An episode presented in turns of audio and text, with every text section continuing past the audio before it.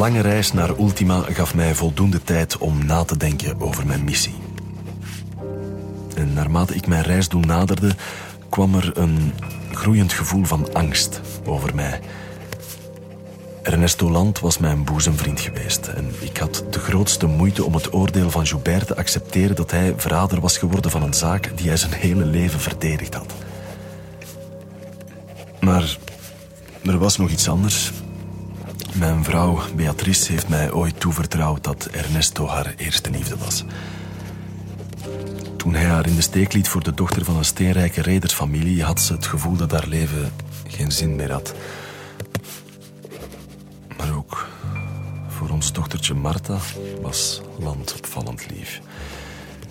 Hij overstelde haar altijd met cadeautjes en genegenheid. Stel nu dat Beatrice en Marta samen met Land in het geniep waren vertrokken terwijl ik door de onafhankelijke gebieden in de provincie Tierra Blanca reisde. Niets is onmogelijk. Toen ik de buitenwijken van Wallingen bereikte, dat ongeveer halverwege mijn reisroute lag, besefte ik dat ik op weg was naar een tweevoudige verschrikking. Als land de confederatie verraden had, waren mijn instructies van de minister arresteren en geketend mee terugnemen naar de hoofdstad. Die gedachte was al gruwelijk genoeg, maar als mijn vriend mij had verraden door er vandoor te gaan met mijn vrouw en dochter, dan was ik van plan om hem te doden. Mogen God mij Mogen verdoemen God om de mij verdoemen om de gedachte, maar omwille van Ernesto en van mezelf, bad ik dat Beatrice al dood was.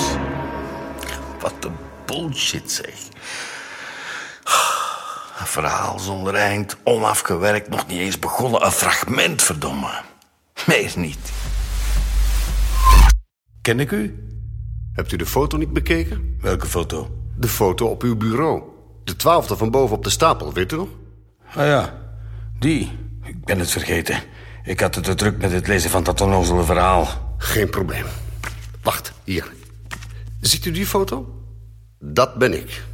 Ah, dan bent u zeker de dokter. Samuel, eh... Sa- Va.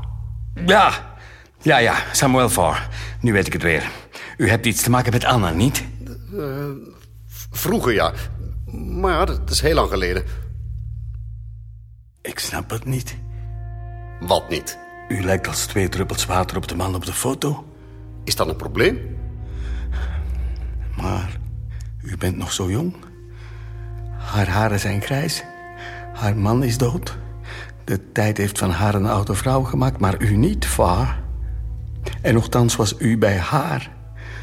U was bij haar op die afschuwelijke plek waar ik haar naartoe gestuurd heb. Maar dat was meer dan dertig jaar geleden. En u bent geen haar veranderd. Far gaat nu op de rand van het bed zitten. Hij spreidt zijn handen over zijn knieën, kijkt naar de grond. Hij weet precies niet goed hoe hij meneer Blanco moet antwoorden. Oh, Ik mag daar niets over zeggen. U wilt eigenlijk zeggen dat u dood bent? Is dat het? U hebt het niet gered. Anna is nog in leven, maar u niet. Zie ik er dood uit, meneer Blanco? Ik ben net zo levend als u. Neemt u dat maar van mij aan. Ja, wie zal zeggen of ik dood of levend ben? Misschien ben ik wel dood. Die zogenaamde behandeling. Volgens mij is het gewoon een ander woord voor dood.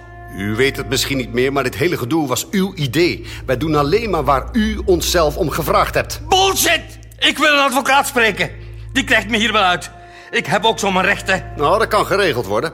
Als u wilt, kan ik vanmiddag iemand laten langskomen. Perfect. Zo mag ik het horen. Oeps, de tijd vliegt. We moeten beginnen met ons gesprek. Gesprek? Wat voor gesprek? Het consult. We moeten het verhaal nog bespreken. Wat heeft dat voor zin? Het is alleen maar het begin van een verhaal. En waar ik vandaan kom, hebben verhalen een begin, een midden en een einde. Ik ben het helemaal met u eens. Wie heeft die bullshit trouwens geschreven? Die klotzak moesten ze tegen de muur zetten. Het hele manuscript telt 110 bladzijden. Waarom mag ik de rest niet lezen? Ik zou graag willen dat u het verhaal afmaakt.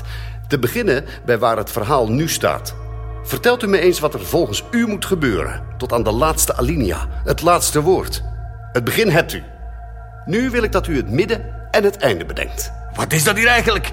Een soort gezelschapsspel of zo? Zoals u wilt. Ik beschouw het liever als een oefening in fantasie redeneren. Ja, sinds wanneer heeft fantasie iets te maken met redeneren? Ah, sinds nu, meneer Blanco. Vanaf het moment dat u mij de rest van het verhaal vertelt. Oké dan, ik heb toch niet veel beters te doen. Zo mag ik het horen.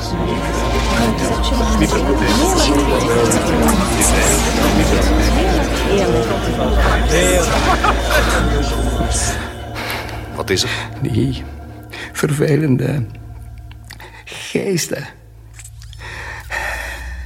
Ze zijn weer terug. Waarom vertelt u niet wat u van de Confederatie vindt om een beetje op gang te komen?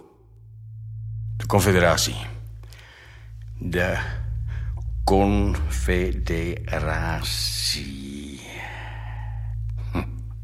Dat lijkt me nogal simpel, niet? Gewoon een andere naam voor Amerika. Oké. Wat gebeurt er met Graaf in Ultima? Ja. Eh, die arme graaf zit helemaal alleen in die deprimerende, godvergeten uithoek van de aarde. Totaal afgesleten van het bureau zonder enige medestander of vertrouweling. Ultima is de treurigste buitenpost van de Confederatie... waar het enige plezier bestaat uit seks, gokken en roddelen. en Graaf doet daar vrolijk aan mee. Deels. Hij krijgt een verhouding met Carlotta. Carlotta is de minares van kolonel de Vega. Oei, oei, oei. Dat is met vuur spelen. In zekere zin. Maar hij peutert ook informatie los van Carlotta. Carlotta, Carlotta... Hauptman. Ja, een verdorven sensueel wezen, de spreekwoordelijke geile weduwe. Haar voornaamste genoegens in het leven zijn kaartspelen en neuken. nou, u bent goed op dreef, meneer Blanco. Ik heb me de hele dag toch niet zo goed gevoeld. Mijn hersenen draaien nu op topsnelheid. Ja. Wacht, wacht, wacht. Ja. Op een avond Graaf en Carlotta samen in bed liggen. Ik bespaar u de details. Is spijtig. Zwijg, zwijg. Bevestigt Carlotta de geruchten. Ja, zegt ze. Ernesto Land en zijn mannen zijn inderdaad ruim een jaar geleden de grens overgestoken naar de buitengebieden. Lokt ze hem in de val of praat ze haar mond voorbij? Dat weten we niet. Oké, oké. Slaagt Graaf er in de grens over te komen? Ja, ja, ja. En dan begint het tweede deel van dit verhaal. We bevinden ons in de woestijn. Overal leegte om ons heen. Een medogeloos blauwe lucht boven ons. Genadeloos licht. En als de zon ondergaat... een ijzige koude die het merg in je botten doet bevriezen. Graaf rijdt gedurende enkele dagen in westelijke richting.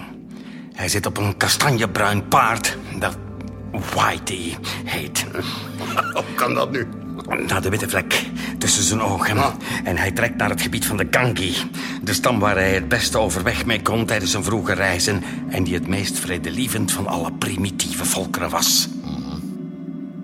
De stam blijkt uitgemoord. Er hangt een overweldigende stank des doods. De ziekelijke stank van ontbindende lichamen. En daar, in het vage licht van de hut... ziet hij een tiental Ganki-mannen, vrouwen en kinderen...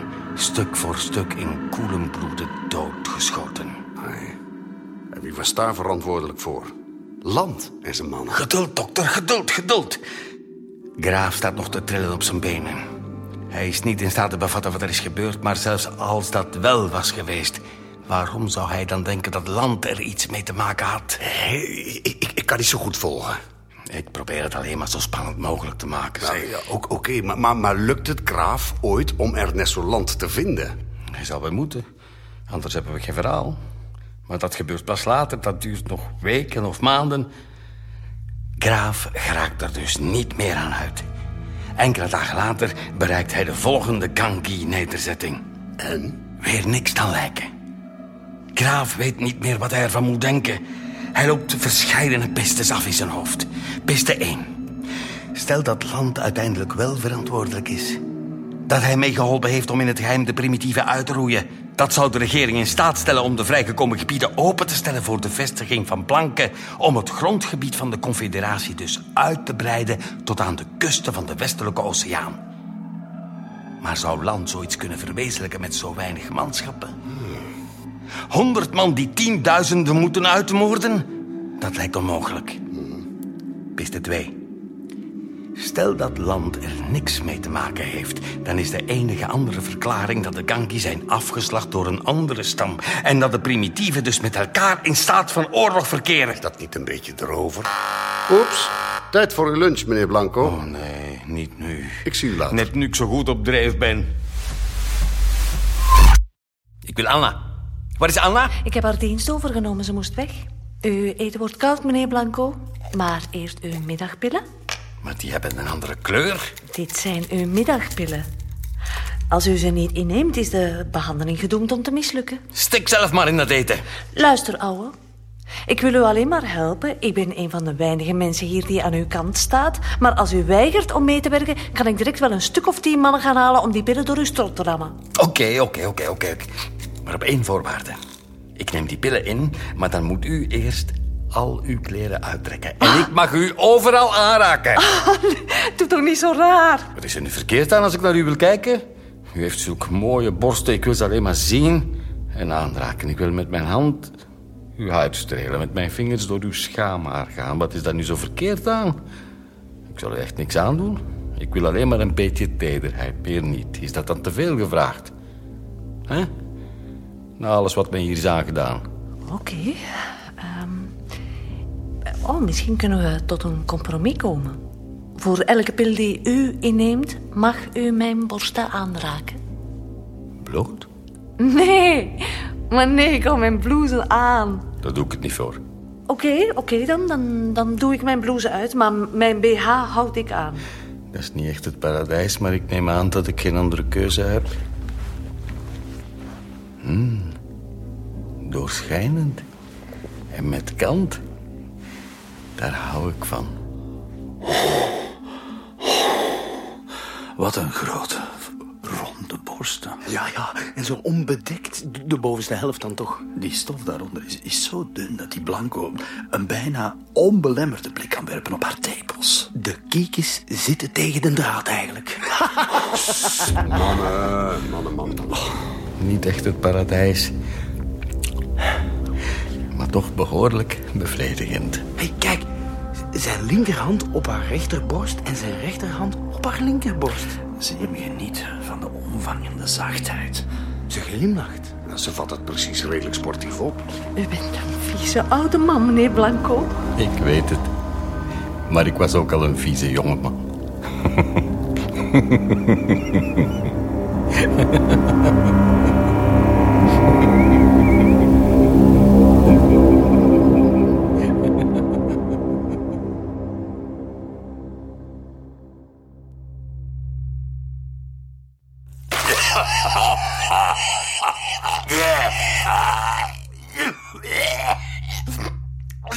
vergiftigd. Die monsters hebben me vergiftigd. Ah, Smeerlappen. Nooit pak ik die pillen nog. Ah. Ah. Hij zit terug op de rand van het bed, de handpalmen op zijn knieën, hoofd gebogen. Hij staart naar de vloer. We hebben elkaar niet gevraagd of ik onder toezicht in het park mocht wandelen. Waar die kast is. Als er alleen is. Goed. Ik zou verder gaan met het verhaal. Ook zonder die... Hoe heet hij? Enfin, die dokter. Waar waren we gebleven? Graaf bevindt zich in de buitengebieden en is op zoek naar land. Die misschien wel of niet een dubbelagent is. Die misschien wel of niet er vandoor gegaan is met de vrouw en de dochter van Graaf. Volgens Joubert is land een verrader van de confederatie met een eigen privéleger die de primitieven wil voorgaan in een invasie van de westelijke provincies. Nee, nee, nee. Volgens mij ligt de zaak gecompliceerder. Waarom? Is die nu tegen zichzelf aan het praten? Omdat ik in de eerste plaats geloof dat land trouw is aan de Confederatie. En ten tweede, hoe had land in gezelschap van honderd manschappen de grens kunnen oversteken zonder dat kolonel De Vega daarvan op de hoogte was? Volgens mij zijn land, De Vega en het hele leger van plan een nepoorlog te beginnen tegen de primitieven om de Confederatie bij elkaar te houden. Oké, wacht. Graaf dus. Graaf alleen. Graaf die door de woestijn zwerft op zijn paard Whitey op zoek naar de voortvluchtige Ernesto Land. Nee, wacht. Maar ja, ja, natuurlijk.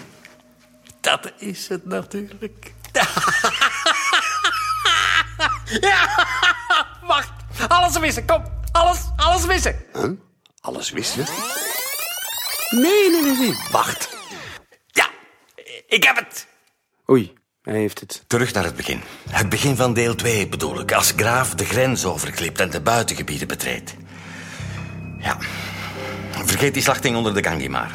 Graaf vermijdt alle dorpen en nederzettingen van de primitieven. Natuurlijk. De in- en uitreisverboden zijn al tien jaar van kracht... en hij weet dat de primitieven zijn aanwezigheid niet op prijs zullen stellen. Een blanke die alleen rondreist door de buitengebieden... Onmogelijk.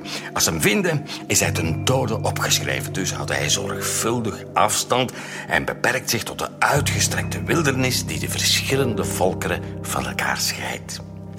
Terwijl hij op zoek is naar land en zijn manschappen, stuit hij op een kale zoutvlakte in het noorden van de buitengebieden op een berg met 115 lijken. Sommige verminkt, sommige nog gaaf, maar allemaal rottend en ontbindend in de zon. Geen lijken van Gangi of van een ander primitieve volk, maar van blanke, van blanke mannen in militaire uniformen. Althans, diegenen die niet zijn uitgekleed en in stukken gehakt. Terwijl Graaf rond deze rottende, misselijk makende massa afgeslachte lijken strompelt, ontdekt hij dat een van de slachtoffers zijn oude vriend Ernesto Land is. Hij ligt op zijn rug met een kogelgat in zijn voorhoofd en een zwerm vliegen en maden kruipt over zijn half afgevreten gezicht. Ah. Ah. Ja. Dat is goed. Graaf jankt, kotst, huilt en verscheurt zijn kleren. Godverdomme. Godverdomme, natuurlijk, dat is het. Land en zijn mannen zijn vermoord door de primitieven. Nee, nee, nee, je vergist nu, graaf. Wat? Je hebt geen flauw benul van het lugubere spel waarin je betrokken bent. Je bent de fall guy. De wat? De fall guy. Zo noemen ze dat in de film. Weet jij dat? Dat weet ik ook niet. Maar de fall guy is de naïveling. De pineut die gebruikt wordt door de regering om het plan in werking te zetten. Ze zitten natuurlijk allemaal in het complot. Joubert, het ministerie van Oorlog, kolonel de Vega, allemaal. Ernesto Land is natuurlijk als dubbelagent naar de buitengebieden gestuurd met als opdracht de primitieven op te stoken om de westelijke provincies binnen te vallen. Wat zou leiden tot de oorlog die de regering zo graag wil. Maar Land slaagt niet in zijn opdracht. Er gaat een jaar voorbij. En omdat er al die tijd niks gebeurt, besluiten de mannen aan de top dat Land hen verraden heeft. Dat om een of andere reden zijn geweten is beginnen opspelen en hij vrede gesloten heeft met de primitieven. Dus bedenken ze een nieuw plan. En sturen een tweede leger de buitengebieden in. En dit contingent is veel groter dan dat van Ernesto Land. Minstens tien keer zo groot. En met duizend manschappen tegen honderd hebben Land en zijn bende geen schijn van kans. De Confederatie zet dus een tweede leger in om het eerste uit te roeien. Dit alles in het diepste geheim natuurlijk. En dan? En dan wordt gij erop uitgestuurd, graaf. Om land op te sporen. En jij komt natuurlijk tot de conclusie dat de primitieven verantwoordelijk zijn voor die berg stinkende, verminkte lijken. Wat? De, de primitieven? Op dat moment wordt gij een sleutelfiguur in de hele operatie. Zonder het zelf te weten, zijt gij degene die de aanzet zal geven tot die oorlog. door uw verhaal te mogen opschrijven in die smerige cel in Ultima. In Ultima, ja? Eerst speelt DVG met u. Hij laat u een volle week herhaaldelijk in elkaar slaan. Maar dat is alleen maar om u doodsbang te maken. U ervan te overtuigen dat je geëxecuteerd zult worden. Want als een man denkt dat zijn einde nabij is... dan zal hij zijn hart willen luchten op papier... als hij daar de toestemming voor krijgt. Dat heb ik toch zelf ook gezegd. Dus, jij vertelt over uw missie om land op te sporen. En als je bij de massaslachting op de zoutvlakte bent aangekomen, laat je niks weg. Je beschrijft het hele gruwelijke bloedbad tot in detail. En dat is het allerbelangrijkste. Een levendig ooggetuigenverslag van wat er gebeurd is. Waarbij de schuld wordt geschoven in de schoenen van de primitieven. En als jij uw verhaal af hebt, neemt TVG het manuscript in beslag en ontslaat u uit de gevangenis. Oh, mijn god. Je bent stom verbaasd.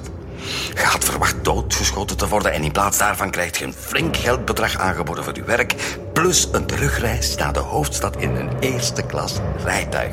En tegen de tijd dat je daar aankomt, is uw manuscript vakkundig geredigeerd en doorgestuurd naar alle landelijke dagbladen afgeslacht door primitieven. Hier te komen. Uw ooggetuigenverslag. Het ooggetuigenverslag van Sigmund Graaf, plaatsvervangend assistent-directeur op het Bureau voor Binnenlandse Zaken. Voor binnenlandse zaken, ja. Voilà. Bij uw terugkomst ontdekt je dat de hele bevolking van de hoofdstad in oorlogstemming verkeert en oproept tot een invasie van de buitengebieden. Gij beseft nu hoe gruwelijk ge bedrogen zijt. Een oorlog op deze schaal zou het einde betekenen van de hele confederatie. En gij, gij en gij alleen, zijt de lucifer die deze dodelijke brand heeft aangestoken. Je gaat naar Joubert. Je eist een verklaring. Nu alles zo goed verlopen is, kan ik u die wel geven. Wacht, hoe verlopen? Ik neem ontslag, man! Joubert biedt u een salarisverhoging aan, maar je peent het vertrek uit. En die avond, in de duisternis van uw lege huis, schiet je u een kogel door de kop.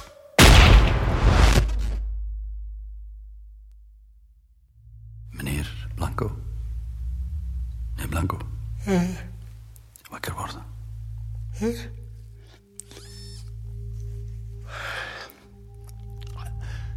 Bent u Fogg? Hè? Marco Fogg? Nee. Ik vrees van niet. Waarom denkt u dat? Ik weet het niet. Maar toen ik zojuist wakker werd, herinnerde ik me ineens dat Fogg gisteren om deze tijd ook op bezoek kwam. Een klein wondertje eigenlijk. Dat ik me dat herinner, bedoel ik. Wij hebben even gekaart en gepraat. En hij heeft me ook een paar goede moppen verteld. Ik herinner me ze niet meer. Ah, maar er was er eentje bij die ik echt heel, heel goed vond. Wilt u ze horen? Ja, waarom niet? Er komt een man om vijf uur 's middags een café binnen in Chicago... en hij bestelt drie whiskies in een keer. De barkeeper is een beetje in de bar, hè. Drie whiskies in een keer, natuurlijk. Maar hij zegt niks. Hij zet drie whiskies netjes naast elkaar op de bar. De man drinkt ze één voor één op, betaalt en vertrekt. Goed. De volgende dag komt die man weer om vijf uur terug... en bestelt weer drie whiskies. Hop, drie whiskies netjes op een rij. Zo gaat het een paar weken door. Uiteindelijk kan de barkeeper zijn nieuwsgierigheid niet meer bedwingen. Ik wil me nergens mee bemoeien, zegt hij dus op een dag. Maar dan komt hij nu al twee weken iedere dag binnen en bestelt drie whiskies. Mag ik nu eens vragen waarom? Hè? Omdat de meeste mensen er namelijk maar eentje tegelijk bestellen, ziet u. Haha, zegt de man, dat is heel simpel. Ik heb twee broers. Eentje woont in New York en een andere woont in San Francisco. En we komen heel goed overeen. En om onze vriendschap in ere te houden... gaan wij alle drie om vijf uur middags naar een café... en bestellen drie whiskies. En dan drinken wij in stilte op elkaars gezondheid... en stellen ons voor dat wij bij elkaar zijn. mooi, mooi. Barkeeper knikt. Hm? Schoon. Zo gaat dat vier maanden door. En op een middag verschijnt de man op zijn gebruikelijke tijdstip... maar deze keer bestelt hij maar twee whiskies. Hoi. De barkeeper maakt zich zorgen en vraagt... Ik wil niet onbeleefd zijn en eigenlijk zijn het ook mijn zaken niet. Maar ik hoop niet dat er iets ergs gebeurd is in uw familie. Nee, nee, nee, nee, nee, nee, nee, helemaal niet. Zegt de man. Ik ben gewoon gestopt met drinken.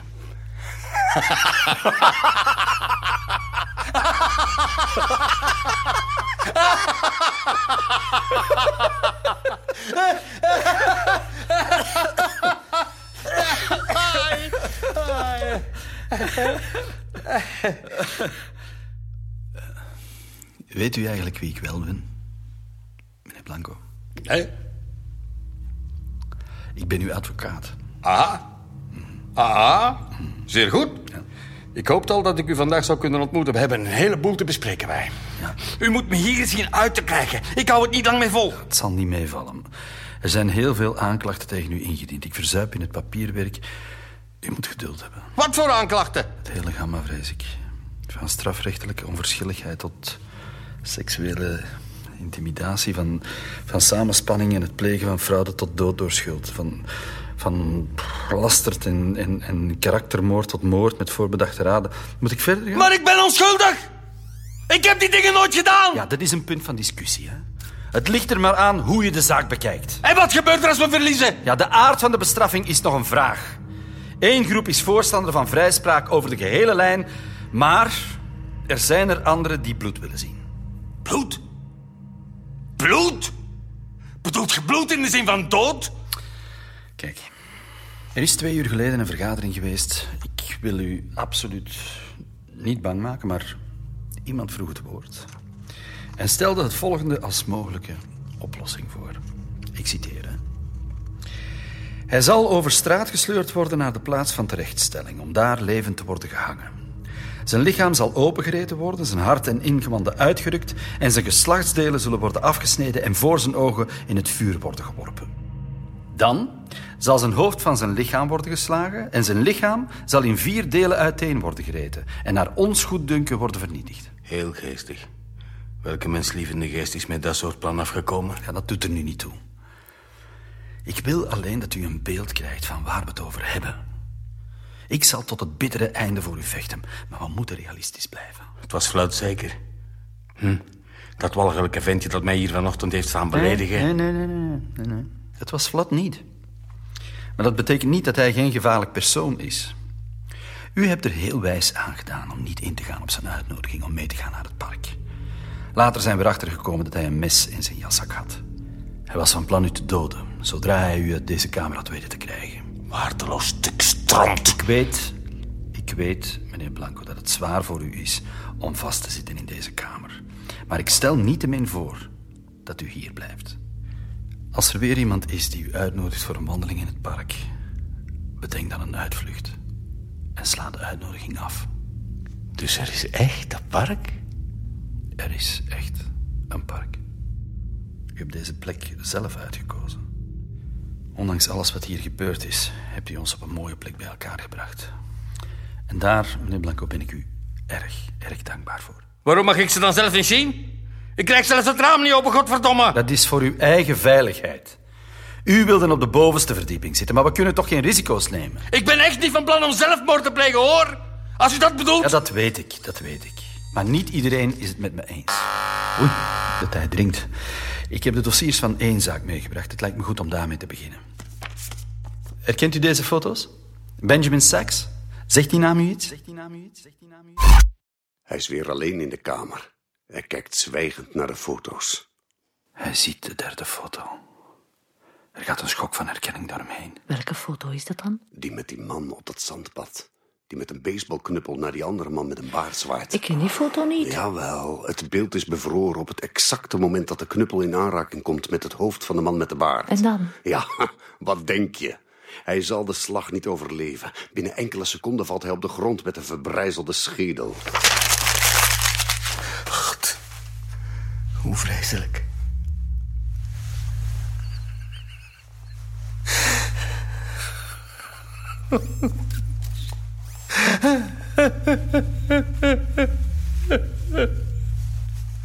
Houd dit nu nooit op.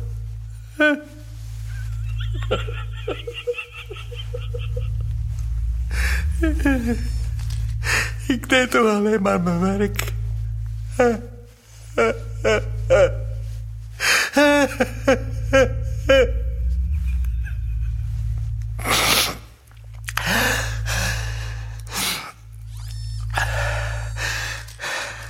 Wat blijft dan nou zeg? Moet jij dat niet doen? Misschien. Ik of iemand anders die mij vervangt. Het zou me niet verwonderen dat hij protesteert. Hij leest verder. Vlak onder het manuscript over Sigmund Graaf en de Confederatie heb ik een dikker manuscript van ongeveer 95 bladzijden gelegd. Geweldig. Nee, Jawel. Op reis in het scriptorium door... Kan ik niet lezen.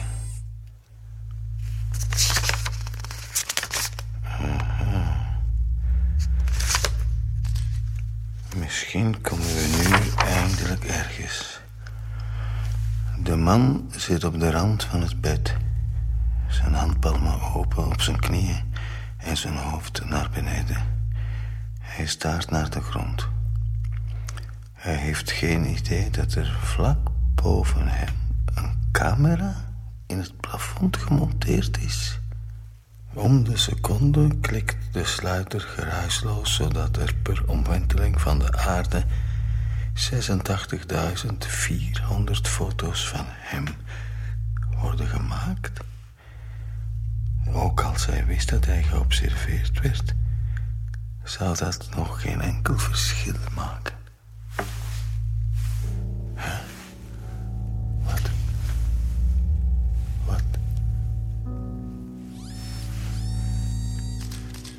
Zijn geest is ergens anders, gestrand tussen de hersenspinsels in zijn hoofd, terwijl hij zoekt naar een antwoord op de vraag die hem achtervolgt.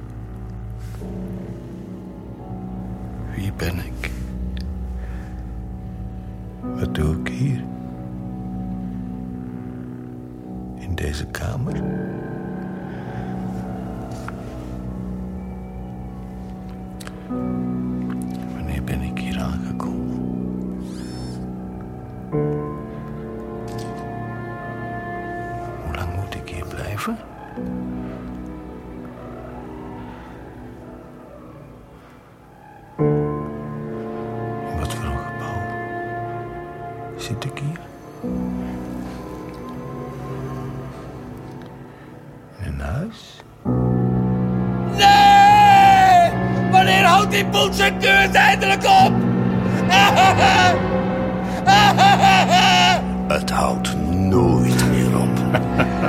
Want je bent nu een van ons geworden.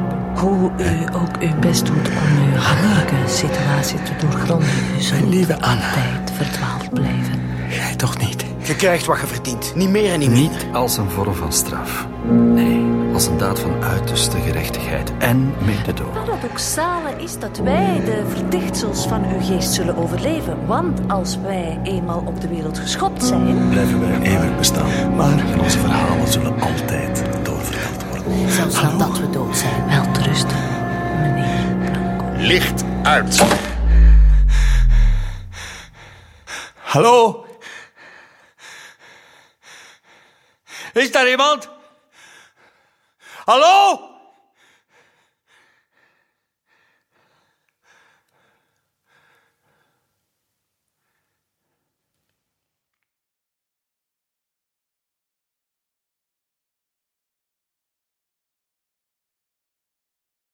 U luisterde naar Op reis in het scriptorium, naar de roman van Paul Auster in een bewerking en regie van Stef de Pape.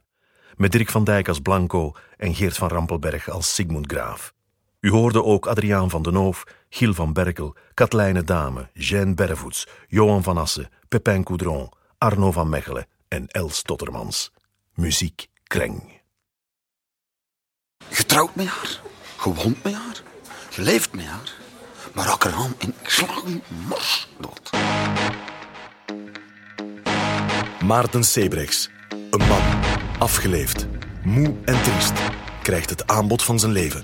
Maar waarom ik? Vanaf dat moment komt zijn leven in een rollercoaster terecht. Ik kus niet op bevel, ik kus waar en wanneer ik dat zelf wil. Ik trouw. Ik wil gekust worden. Een verhaal over liefde en pijn, Hé, hey, Bompa. Geef dat zwart niet af op uw fluit. intriges en verlangen. Ik vertrouwde u, Sebrechts. Tot alles uitmondt in een groot wederzijds respect. Veel heb ik niet. Het is allemaal voor haar. Voorjaar 2010. Het derde huwelijk van Tom Lanois. In een regie van Tom van Dijk, met in de hoofdrol Frank Foktijn en Chica Unigwe. Een man, een vrouw. Wat wil jij eigenlijk? Jou. Geraken zozeer in de band van elkaar dat ontkomen geen optie meer is. Passie, Ik had het nog willen rekken tot de 21 december, net één jaar. Maar dat gun ik je niet. Gemeen, hè? drank, drugs, rock'n'roll. Ja, ik ben nog wel slordig geweest met de pil, geloof ik. Ik maak me een beetje ongerust. Hoe kan jij weten of het van Karel is of van mij? Ja, dat is het juist. Tot het noodlot toeslaat. Toen vluchtte ik. Het zonlicht in. Het jaar van de kreeft naar de roemruchte roman van Hugo Claus. Met in de hoofdrollen Tom de Wispelare en Abke Haring. Voorjaar 2010.